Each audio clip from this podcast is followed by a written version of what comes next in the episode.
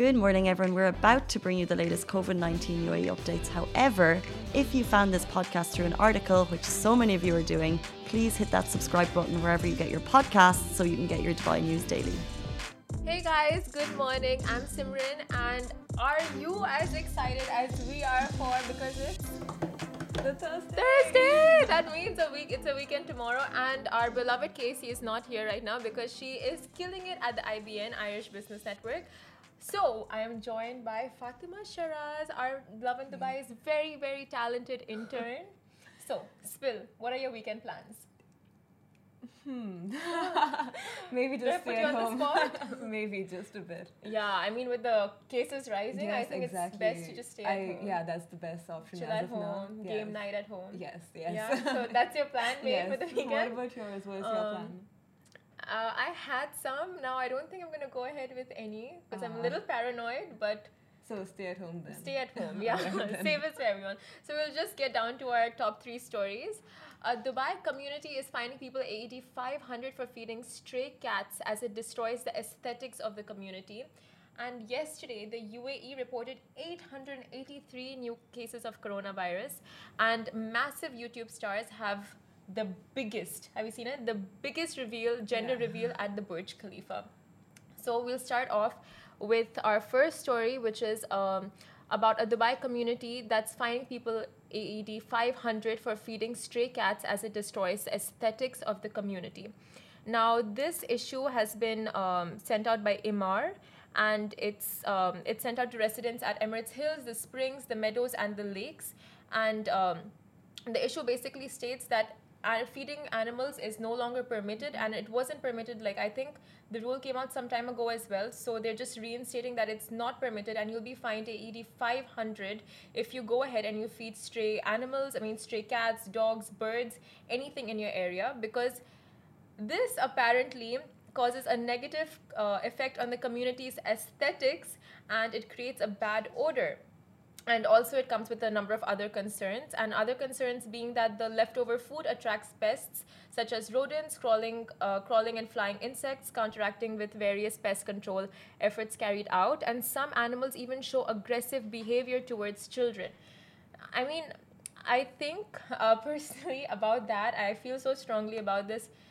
I mean uh, they should have designated areas for Areas, animals you know not just make it um, not permitted Yeah. altogether Maybe something like a shelter would do because Yeah, there are a lot of stray cats everywhere in UAE. So exactly Yeah, like maybe the area them. because i think Mhm. jlt also they have an area where you can feed these Yeah, animals exactly. and right now when it's so hot yes. you you th- with, I mean with that's the help of water and some food with, with the summer heat. My yeah gosh. that's the least you can do for these animals because you know like we are actually intruding in their space Yes. and the least we can do is like put out water now if that's also illegal where are they where are these animals going to get food because Mhm. even restaurants not all restaurants have this initiative of like you know giving leftover food to these animals exactly. And i don't know like even uh, when we put this article on written by you on our facebook yesterday it got many many comments of Yes. people like disagreeing with this Yeah. notice and saying like at least have like a designated area but um yeah i it definitely made people very angry. Because, Upset, of yeah, course. Of course. yeah Yeah. anyway so moving on to our next story Yes, so uh, moving on to our next story. Uh, yesterday, uh, UAE reported 883 new cases of the coronavirus, and um, this has been the highest number of positive cases since May 22nd, with 994 cases.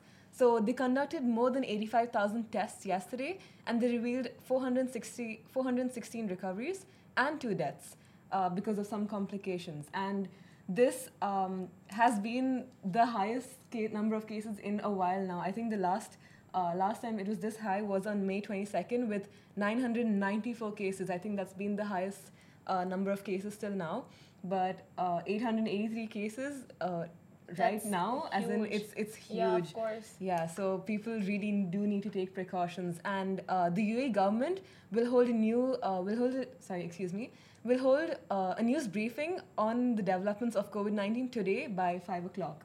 Okay, So, so, some major announcements Some are are will be expected probably out yeah, at 5 yeah, p.m. today. yes. So, but we will keep you updated on that on our site, and mostly it'll be announced by you.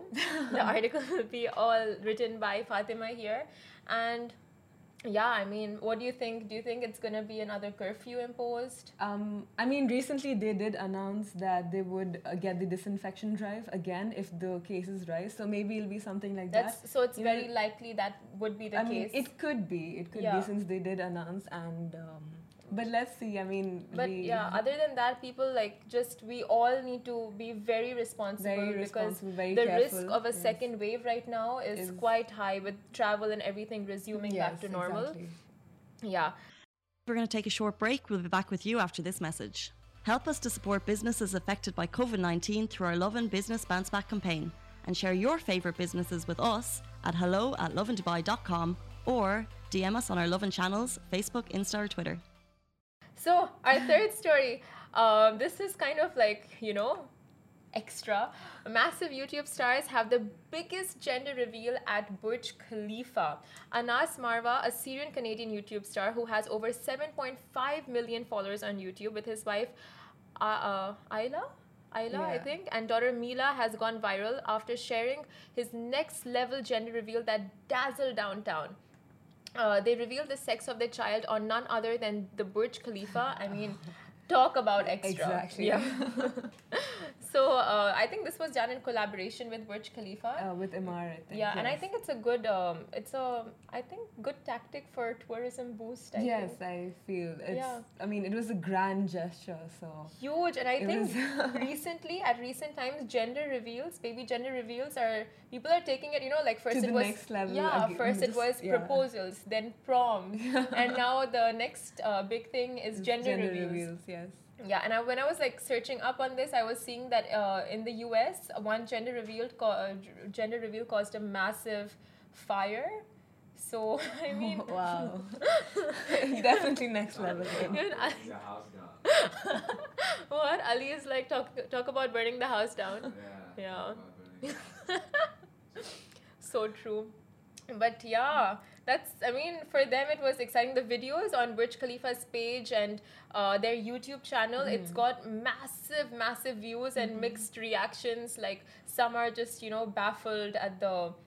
The- the grandness of the whole Yeah, like how, like, you know, extra that was for a gender reveal. Some are um, pretty, like, you know, oh, nice, like, you know, taking Yeah. uh, cues from that Yeah. so they'll probably plan something big for their own gender reveal. Something bigger. But yeah, so uh, anything you have you want to suggest to pe- the people watching to do over the weekend? Any big things coming Um, up? So we do have a competition. I don't. Uh, I don't know if you've heard, but uh, if you spot uh, Camilla Camello, the Camila uh, Cameo. Uh, Love okay. and Dubai's camel. The Love and the Vice camel. Uh, if you spot it, take a picture with the camel and then post it and tag us. And you Any can. hints on where the camel is? Do you want to give them a I, hint? I think it's pretty much out there, but in case you don't know, it's in Ibn Battuta. Okay, that's the that's not a hint. That's like okay, it's at Ibn. But where it Ibn, like that you need to find. That you have to go on a Somewhere, somewhere. That's that's your job, I guess. So sorry, I, I think I cut you off. What do they do once they find the camel? Yeah, so uh, take a picture with the camel and then post it and tag us, of course. Yes. And you can get into a draw to win two tickets. Uh, what was it from? Uh, live match Oh my I think. god, I didn't read that. but uh, it's, it's two pairs of two tickets. and it's um, like a seven star kind of experience. yes, so a seven star movie experience, you don't which wanna miss. will be amazing. Yeah, and uh, if you don't win, you still get to be reshared by the from the Lovin Dubai account. So that's pretty cool. Yeah.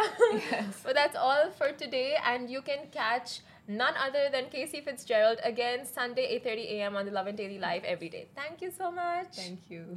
Guys, that is a wrap for the Lovin Daily. We are back same time, same place every weekday morning. And of course, don't miss the Lovin Show every Tuesday where I chat with Dubai personalities. Don't forget to hit that subscribe button and have a great day.